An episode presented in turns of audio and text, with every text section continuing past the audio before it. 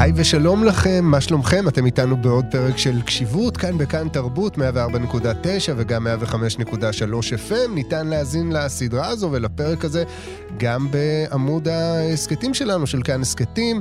אמ, ואנחנו כאן בסשן אה, נוסף, כשאני אומר אנחנו, זה אני רז חסון, שלום, מה שלומכם? וגם סמדר יהודה גזית.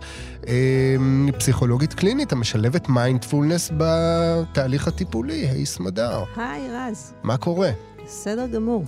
יופי, תגידי, אז היום אנחנו, אנחנו עשינו מעין שיחה כזו מקדימה למה שנדבר עליו היום. ואנחנו, אה, איך שאת הגדרת את זה, נדבר על שני האגפים, או על שני ההיכלים האלה של ה mind שלנו, אוקיי? אמ, אמרנו שיש חשיבה, נכון? ויש נכון תודעה מאוד. שהם... יש חשיבה ויש מודעות. באנגלית אני אגיד את זה thinking ו-awareness. אוקיי. ונתחיל באמת מלעשות את ההבחנה בין שני האגפים האלה. זהו, כי אני כאילו ישבתי והקשבתי לך ככה, רשמתי לעצמי כמה נוטס, ובאמת, עיקר הדגש הוא על אחד מהם, כן? שאנחנו רוצים להיות בעיקר בו, אבל יש את האמירה, אני חושב, משמע אני קיים, אבל אם אני מודע, משמע אני מה? אני, אני, אני לא קיים, אני יותר מקיים, אני... אז אני חושבת... איפה אני נמצא? אני חושבת שיש לנו הרבה יותר ממפה אחת אה, כדי אה, בעצם לשרטט את אה, מרחב ה mind שלנו. והרבה יותר מהיגד אחד כדי אה, לתאר את המשמעות של הדברים. אז אני בהחלט חושבת שאדם חושב, בכך הוא ממש אה, מוכיח את אה, קיומו, אבל אני באה פה לטעון בשם אה, חכמים גדולים ועתיקים ממני, שיש גם עוד אופנות שבה ניתן להיות חיים וקיימים, ממש כמו האדם החושב, ובכל זאת לא לעסוק בחשיבה. והאפשרות הזאת היא מה שאני אקרא לו במילים הכי פשוטות, להיות מודע, להיות aware, נוכחת למשהו, נוכחת במשהו, מבלי שאני נדרשת להפעיל את אותם חלקים גבוהים יותר, אם תרצה, של היכולת הקוגניטיבית שלי, שנותנים לדברים שמות, ועושים קטגוריזציה, ומזהים דמיון בין מה שאני רואה, מריחה, שומעת לפניי, לבין מה שכבר מוכר לי, מסיקים מסקנות. כל התהליכים האלה הם תהליכי חשיבה. ובתוך העולם שאנחנו חיים בו היום, העולם המערבי, הרץ במקצבים מטורפים. זה שמפציץ אותנו בכמויות מידע שבאמת גדלות מיום ליום. והוא גם מזמין אותנו לאינטראקציה עם כל דבר. אתה מוזמן לחוות דעה, וכל דבר הופך להיות איזה משחק אינטראקטיבי. כמעט ולא נותרו שמורות, גם בחוץ לצערנו, לפחות במדינה שלנו, הולכות ומתמעטות שמורות הטבע הפשוט, אבל גם בתוך ה mind שלנו הולכות ומתמעטות שמורות המודעות. וואו, זה מדהים שאת אומרת את זה, כי מעבר לזה שזה באמת נכון, אבל זו דוגמה באמת באמת טובה לכך שאנחנו כמעט ולא מוצאים את עצמנו, אה, פשוט עוסקים רגע ב... ב בתודעה, כן? בחלק המודע של מה קורה עכשיו, ואולי אני אשקע רגע למחשבות אה, אה, מהסוג המודע עם עצמי, כן? אה, אני לפני כמה ימים ראיתי איזושהי אה, סדרה שמשודרת בנטפליקס. אה, זה לא סדרה בעצם, זה איזושהי, איזשהו סרט אה, דוקומנטרי שנקרא The Social Dilemma. שמדבר שם על ההשפעה הבאמת מטורפת של הרשתות החברתיות על החיים שלנו ועל העיסוק האובססיבי שלנו בהן. ומדברים שם באמת על, ה, על, על הבעיה הזאת, ומספרים גם איך היא בכלל נולדה, ומדברים על כל מיני תהליכים באמת פסיכולוגיים. שנעשים מאחורי הקלעים של כל האפליקציות שאנחנו מכירים, איך ללכוד בעצם את הרגעים האלה שלנו, כן? שבהם אנחנו בסוג של תודה, ולהוציא אותנו משם ולהניע אותנו ישירות למחשבה ולפעולה. זאת אומרת, מעבר לזה שזה איזשהו תהליך ש...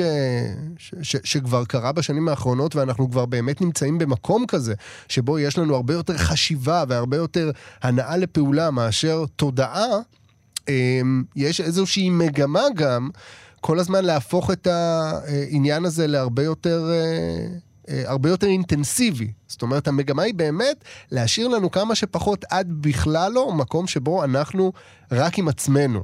אני חושבת שאתה צודק כל כך, וגם החיבור לסרט הדוקומנטרי הזה אה, הוא מאוד במקומו.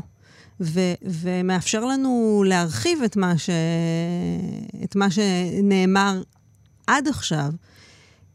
כיוון שאותו חלק של ה mind שחושב, הוא גם מאוד מאוד מועד להתמכרות ולהתפתות ולהיכנס לתוך איזושהי אינרציה שבעצם מבלי שנשים לב, בא על חשבון הרכיב שהוא כמו הרכיב הביישן יותר, הרכיב הצנוע יותר ב mind שלנו, הרכיב שדי לו במנוחה, בצמצום של הגירויים ובאפשרות בעצם להגיע לאיזשהו סטטוס קוו פנימי שאין בו צורך בגרייה החיצונית הזאת, ומאפשר לתודעה שלנו להיות במצב שנוכל לקרוא לו מנוחה מיטיבה. מצב שבו נוכל להגדיל את הבהירות של התודעה, כי יצופו בה הרבה פחות חלקיקי רעש, מידע, ציפיות, שאיפות, דעות, שנוצרים בכלל מבלי שנתכוון, מכיוון שאנחנו נמצאים באובר גריעה, אבל שהיא גם קצת נעימה, כי היא סותמת, כמו שאתה אומר, היא סותמת את אותו רגע של אדם נפגש עם עצמו. כן, שזה משהו אבל שנורא חסר בגדול. את יודעת, הרבה פעמים בעבר היו לנו את הרגעים האלה בעל כורחנו, בהמתנה לרכבת, לאוטובוס, עמידה בתורים. הם, היו לנו הרבה סיטואציות שבהן פשוט ישבנו כאיזשהו קהל שבוי למשהו, והיה לנו הרבה זמן לשרוף, ולא היה לנו בהכרח עם מה. כלומר, לא כולנו הסתובבנו עם ספר בתיק למקרה ש... אמ, או עיתון בהישג יד, והרבה פעמים היינו נקלעים בעל כורחנו למצב שבו אנחנו עם עצמנו, ופתאום מהרהרים, ובאמת יושבים וחושבים, ומה אני מרגיש, והיינו מתחברים למקום ה... איך אמרת, הרבה יותר uh, צנוע והרבה יותר uh, uh, ביישן הזה, כן? הרבה יותר מופנם הזה. Uh, והיום בעצם אין דבר כזה זמן מת. כן? אין לנו בכלל רגע עם עצמנו, כי כל רגע כזה בעצם, זה עוד רגע שאנחנו שולחים את היד אל הכיס, מוצאים את הטלפון הסלולרי והולכים לאיבוד איפשהו. ממלאים את החלל הזה. בדיוק. שכמו מאיים עלינו. נכון.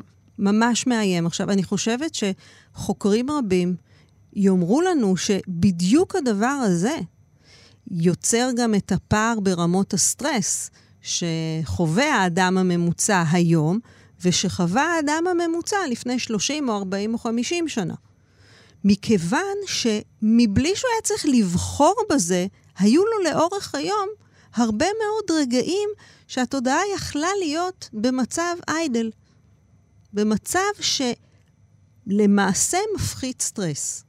למעשה מאפשר אה, איזושהי מנוחה ש... מפסיקה את העבודה המעייפת והמתישה, והיום לא רק שאין לנו את רגעי המנוחה, אלא שהם הוחלפו באינטנסיביות כל כך גדולה ותובענית, שבמידה רבה ממש משבשת לחלוטין את היכולת שלנו להיות נוכחים ברגע הזה וערים למה שקורה לנו. הזכרנו פעם בעבר, ואני אחזור שוב על המשפט המקסים הזה, שתרגול מיינדפולנס, אין כוונתו לגרום לנו להרגיש יותר טוב. כוונתו היא לאפשר לנו להיות טובים יותר בלהרגיש. אוקיי, okay, שזה באמת יותר מדויק, כי באמת הדבר הבא שרציתי לשאול אותך, זה מצב שבו אני מכיר אנשים שיכולים להגיד, אה, תקשיבי, דווקא אה, לצורך העניין, הטכנולוגיה או כל האמצעים האלה שמאפשרים לי להמשיך באיזושהי גריעה אינטנסיבית כל הזמן, והיא תמיד זמינה לי, זה מה שמציל אותי ממצוקות היום-יום. כי נניח אני בן אדם עם בדידות עמוקה, ואם אני לרגע אחד, כן, שוכח את הטלפון בבית ונתקע איפשהו. הכלום הזה שקורה סביבי באותו רגע, כמה רגעים האלה שאני נמצא לא יודע, ממתין לרכבת או לאוטובוס בלי שום דבר שיגרה אותי באמצע הלילה, מאלץ אותי להיות מודע, והמודעות הזאת לא טובה לי, כי אני פוגש כל מיני דברים שלא בא לי לפגוש בהם, ולא בא לי לחשוב עליהם או להתחבר אליהם. בא לי, כן, להתחיל לראות פוסטים פוליטיים ולריב עם אנשים וכולי, כי זה מסיח את דעתי מהדברים שלא בא לי להתעסק איתם. מעולה. אז אם היית אומר לי את זה, אז קודם כל הייתי באמת מעומק הלב מאחלת לך הרבה בהצלחה. וגם אומרת שכנראה שאני לא הכתובת הנכונה בשבילך. אבל את יכולה להבין, כלומר, את האנשים האלה שאומרים, תשמעי, זה מציל אותי, זה מציל אותי כי אחרת הייתי... עכשיו, תראה, יש פה סוגיה שבמידה מסוימת היא ערכית, אבל יש כאן גם uh, תימוכין uh, uh, מחקריים לצורך העניין. אתה מדבר על כוחה הנפלא של ההסחה. ואני באה פה, בתפקיד הנוכחי שלי, בעצם לטעון בשבחה של המודעות. עכשיו, אני יודעת מראש שזה לא או-או. אני יודעת שכבני אדם, אנחנו מתמקמים, ויש הבדלים אישיותיים ובין תרבותיים ובתקופות חיים שונות. אנחנו מתמקמים באיזשהו איזון בין שני האופנים האלה שאנחנו מתמודדים עם המציאות, בין ההסחה ובין המודעות. אני מאמינה כפסיכולוגית שבחירה מאוד אדוקה בהסחה היא נתיב שלא יכול להחזיק לאורך זמן. כלומר, אדם שאומר, תעזבי אותי באימא שלך. אני לא רוצה לפגוש את עצמי, לא רוצה לפגוש את הרגשות שלי, לא את הגוף, לא, לא, את המחשבות, לא רוצה. אני רוצה כל הזמן להיות במשהו אחר. זה יחזיק only so much. זאת התפיסה שלי. וכל מי שיגיד לי שאני טועה כי זה מחזיק לו חיים שלמים, אני באמת ובתמים, אני שמחה בשבילו. אבל אתה צריך להבין שאלה בדיוק האנשים שאני לא פוגשת בקליניקה. כי כי הם לא מגיעים לקליניקה. כי הם לא מגיעים, כי זה עובד להם טוב. כן. אז בסדר גמור. עכשיו, הם גם לא מגיעים ש... למיינדפולנס. כן. כי זה עובד להם טוב. לא, המיינדפולנס זה האויב הכי גדול שלהם בעצם. נכון. עכשיו, לא פעם, בתקופות שלימדתי אה, אנשים שלא באו בהכרח כי הם בחרו, אלא כי הצוות החליט, המנהל החליט, הייתי פוגשת אנשים ש, שחשתי אה, אה, שהם מאוד עסוקים בלהתנגח במיינדפולנס. עכשיו, אני לא מחזיקה אותו קרוב אל ליבי ומתנגחת, כי גם אי אפשר בכוח. אני יכולה רק להציע מודעות לעובדה שזה לא בא לך טוב. אני יכולה להגיד, אני מרגישה בתגובות שזה לא מתחבר לך טוב, וזה בסדר. זה בסדר גמור. אבל עדיין העמדה שלי היא עמדה מודעת. היא עמדה שרואה במודעות ערך.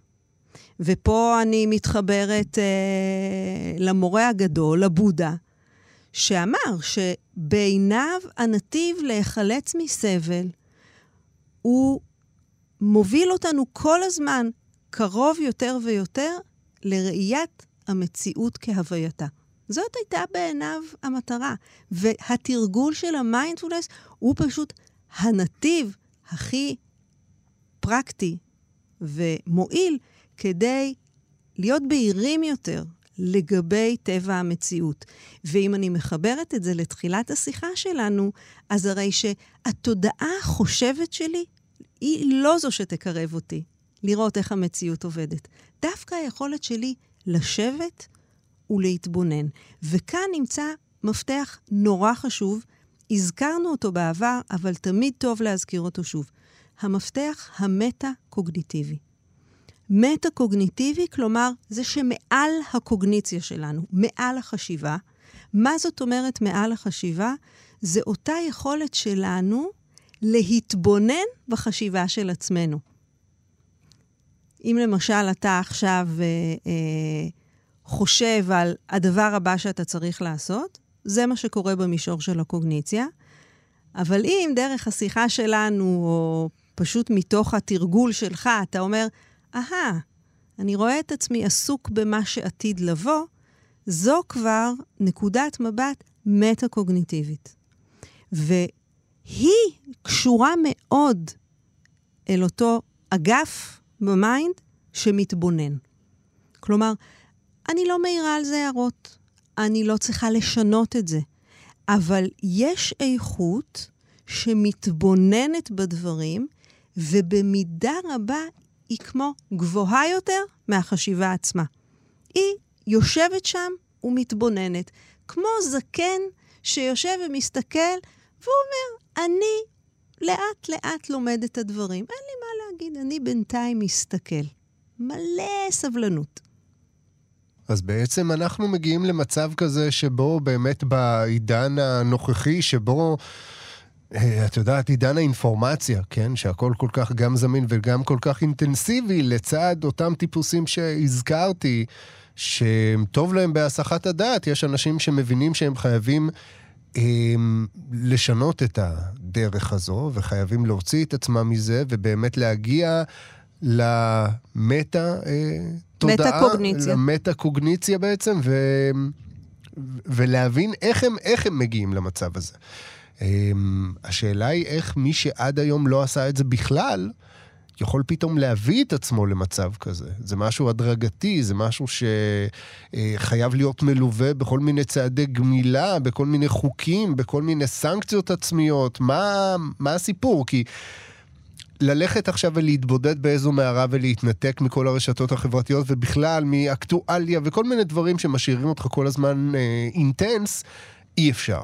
נכון, ואני חושבת שהמון פעמים דיברנו פה, ואני אחזור ואגיד את זה. אני מאוד מאמינה בבייבי סטפס. צעדים קטנים. מעניין אותך, את סקרנית, את חושבת שאולי זה רלוונטי אלייך? מעולה, תאזיני לפודקאסט. נהדר, תרגלי חמש דקות ביום. יש היום עוד ועוד אפליקציות שמנגישות את התרגול הזה. לא צריך להבין ההתחלה היא בעשייה. היא ביכולת הזאת לפנות לי בתוך ה-24 שעות שיש לי ביממה, להתחיל מהאקט, לפעמים מאוד דרמטי, שאני מחליטה שבחמש דקות הבאות אני מכבה את כל המכשירים שעשויים לצפצף לי ולהזעיק אותי, ואני בוחרת להפנות את תשומת הלב לנשימה, ומכאן, מה שיהיה יהיה. אני אתבונן, שזאת המהות של, ה, של התרגול שאנחנו מתרגלים. אני חושבת גם שלא אחת אנשים חיים את חיי ההסחה ונהנים מהם עד ש. עד ש... או הגוף זועק, נכון? לא מעט סיפורים אתה שומע על אנשים שהייתה איזושהי קריסה גופנית, או אירוע כלשהו שבעצם פקע את הבועה, ומתוך השבר הזה, איזשהו שבר שהוא אה, אה, פיק של מצוקה, נפתח פתח למשהו חדש. כמו אותו שדר אה, ב-ABC, דן האריס, שבעצם היה אחד מהשדרים הכי מבטיחים, אה, התמודד עם דיכאון וחרדה, ניסה להיעזר גם בכדורים, אבל גם בסמים וגם באלכוהול, עד ש... לפעמים ביחד. לפעמים ביחד, עד שהוא בעצם חווה התקף פאניקה תוך כדי שידור בפריים טיים. ושם היה נקודת השבר שלו, והוא הפך את, את חייו על פיהם, הכניס לתוכם את עולם המיינדפולנס, ומאז הפך להיות אחד השגרירים הגדולים. ואגב, הוא קורא לפוד, לפודקאסט שהוא יצר 10% happier. 10% יותר שמח. שאני מאוד אוהבת את ההגדרה הזאת. זהו, זה, בואו נצפה ציפייה שהיא ריאלית. זהו, משהו גם צנוע יחסית. לא אומרים לך, בוא עכשיו, אנחנו נהפוך אותך לכזה הפי, הפי, ג'וי, ג'וי, שלא משנה איך אתה עכשיו, אתה תצא מתהליך כזה כמו דובון אכפת לי, והכל יהיה נפלא וורוד בחוץ. ממש. אבל מה שאני חושבת שכן אפשר הרבה יותר אה, אה, בביטחון להבטיח, כשאנחנו מכניסים את המרחב המודע אל תוך היום-יום שלנו, את ה-aware mind, זה שנהיה שם כדי לראות שדברים קורים. נהיה שם כדי לראות שהסטרס עולה ואני יותר לחוצה, או שהלסתות שלי נקפצות יותר. אני אהיה שם כדי לזהות שמרחבים מסוימים בחיים שלי מייצרים בי רגשות של מצוקה. מה שלפעמים אני יכולה לחיות שנים, ורק בגלל שלא עצרתי להתבונן לא יכולתי לעשות את הקישור ואת הזיהוי. וכמו שאנחנו יודעים, גם בתרגול עצמו, אלה המפתחות, להתבונן, לזהות, ואז אנחנו כבר מניחים לזה. גם בתוך התרגול, אנחנו לא עושים שום דבר, אנחנו לא פותרים שום דבר. אתה פשוט בתוך זה. אתה בתוך זה, ואתה באופן ממש מכוון מצמצם את החשיבה. כשאתה רואה שאתה בחשיבה, כלומר שמבט העל, כשהמטה-קוגניציה מזהה רז, חשיבה, אז אתה אומר, עזבתי. לאן אני חוזר? לנשימה. אתה חוזר אל הגוף. הגוף הוא תמיד עוגן שלנו, והוא, אם נרצה, הוא הזרוע הארצית של המטה-קוגניציה. או-הו. כלומר, אני נעזרת בממשות של הגוף כדי לחלץ את עצמי מהחשיבה. גם דרך המבט המטה-קוגניטיבי, אבל גם דרך החזרה לגוף. והקטיעה הזו של מעגלי החשיבה האינסופיים, והפיתוחים שאנחנו יודעים לייצר, דיברנו על זה גם בהקשר לחרדה, בפרק ששוחחנו על חרדה. האפשרות לקטוע את המעגלים האלה. ושוב, להגיד, הקץ לחרדה. אני עכשיו עוברת אל האגף המודע. האגף המתבונן, האגף המטה-קוגניטיבי, שרק ער למה שישנו, מבלי לנסות לעשות בו שינוי. טוב, אז נראה לי שאפשר לעבור כבר לשלב התרגול. אכן, ואני אשתמש בדברים שדיברנו עליהם גם בתוך ההנחיות שלי. מעולה, אז אני רואה שהמצילות עשו קאמבק היסטרי. זהו, הקערית כבר לא כאן. ראיתי את האכזבה שלך ו... זהו, תשמעי, אה, עסקנו בהרגלים, אז באמת נראה לי שהשגנו את האפקט ההוא. את יודעת, נפטרתי מההרגל ההוא של מצילות, ואז אפשר לחזור אליהן. ואני כבר לא תופס אותן כמשהו כל כך אה, אה, ודאי, זה יכול להשתנות כל רגע. אז אנחנו יוצאים לדרך.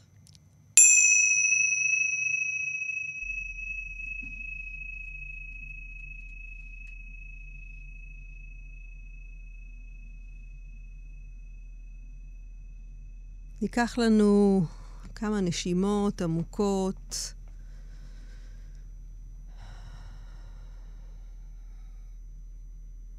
נקדיש רגע או שניים להתקנה של הגוף לתרגול הזה.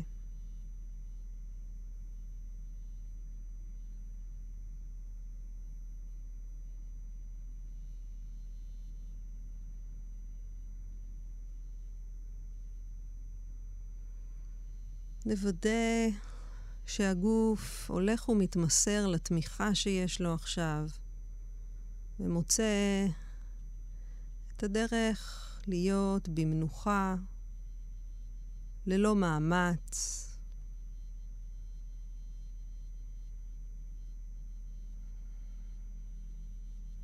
נרפה את חגורת הכתפיים, אזור הבטן. נניח לזרועות להיות נינוחות מן הכתפיים, דרך המרפקים ועד קצות האצבעות.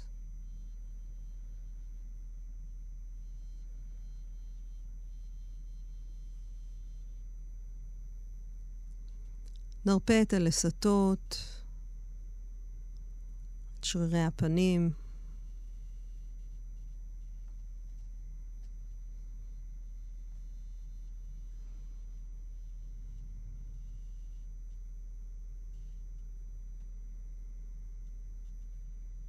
ועם הנשיפה הבאה נוביל את עצמנו אל ציר הנשימה ונניח לו להיות מוקד תשומת הלב שלנו לדקות הבאות.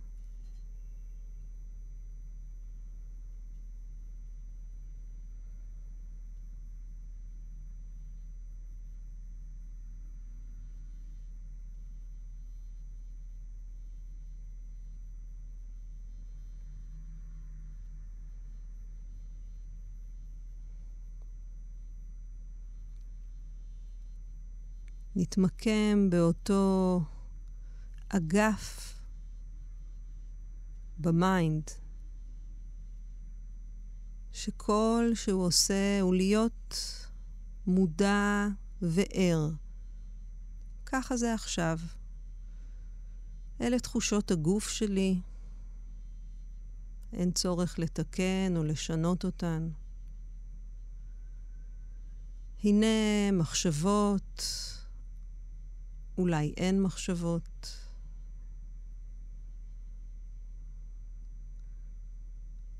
אנחנו נבחר שלא לעסוק בהן ולפתח אותן. הנה האיכות הרגשית, אם נזהה כזו, נינוחות, או אולי מתח, דאגה. אנחנו לא צריכים לסלק דבר, וגם לא לחקור סיבות, תוצאות, פתרונות. נניח לכל אלה. נדע את השאיפה כשאנחנו שואפים. נדע את הנשיפה כשאנחנו נושפים.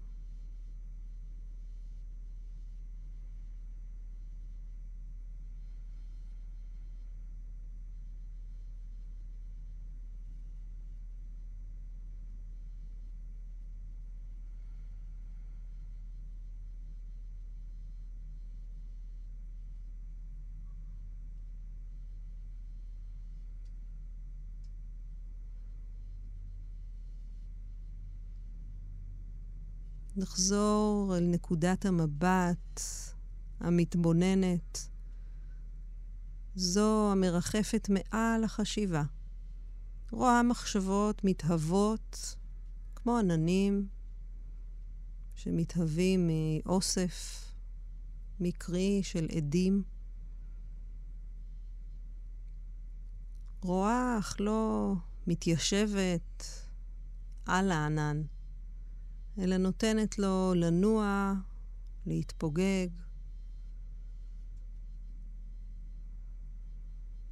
נניח לתשומת הלב לנוח על הנשימה בלבד.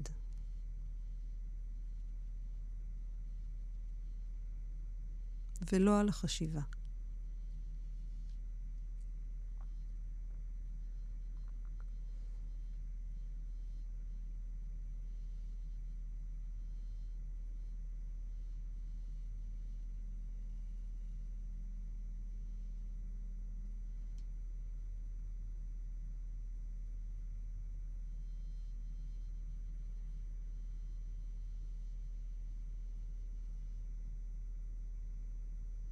העין המתבוננת שוב מבחינה איפה תשומת הלב, ובלא שיפוטיות, מזהה אם אני בתוך השיבה אניח לה ואחזור לנשימה.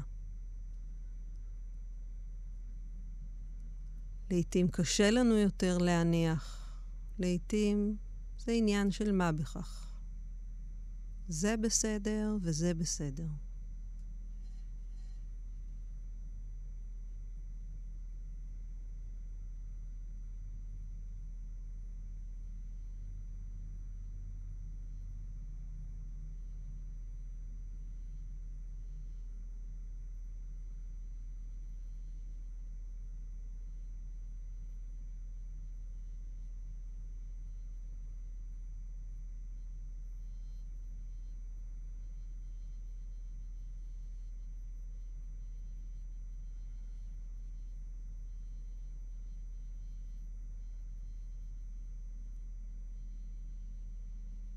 לא פעם נראה את ה mind החושב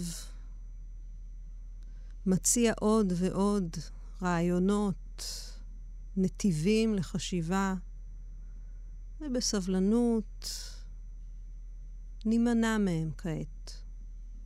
לא תודה. נישאר נוכחים בגוף ובנשימה.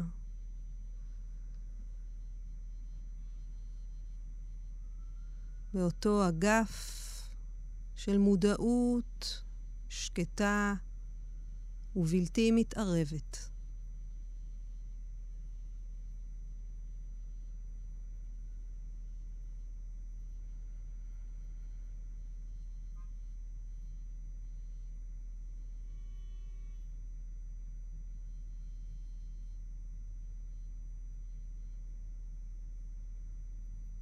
לא פעם נוכל למצוא הרבה נינוחות ושלווה בעמדה הזו שרואה ואיננה מנסה לפעול.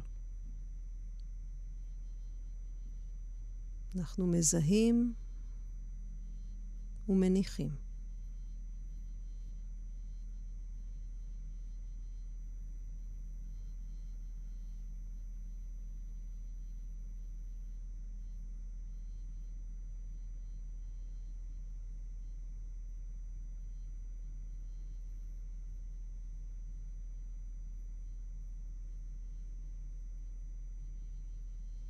לשים לב לשאיפה לכל אורכה.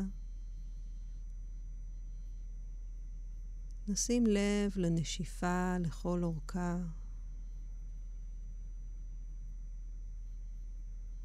נשים לב לאפשרות לשהות גם אם לחלקי זמן קטנים. לשהות באגף המודע. The aware mind.